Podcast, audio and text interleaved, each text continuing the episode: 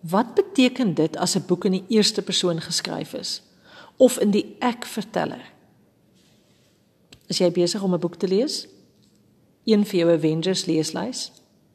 Voel dit vir jou asof jy een van die karakters in die boek is? Voel dit asof die boek jou intrek? Ervaar jy wat die karakters ervaar?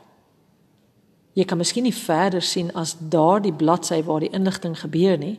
En jy kan ook nie sien wat met ander karakters op dieselfde tyd gebeur nie. Maar daar waar jy lees in die boek, voel dit asof jy daar is. Dit voel asof jy een van die karakters word. Die boek trek jou in.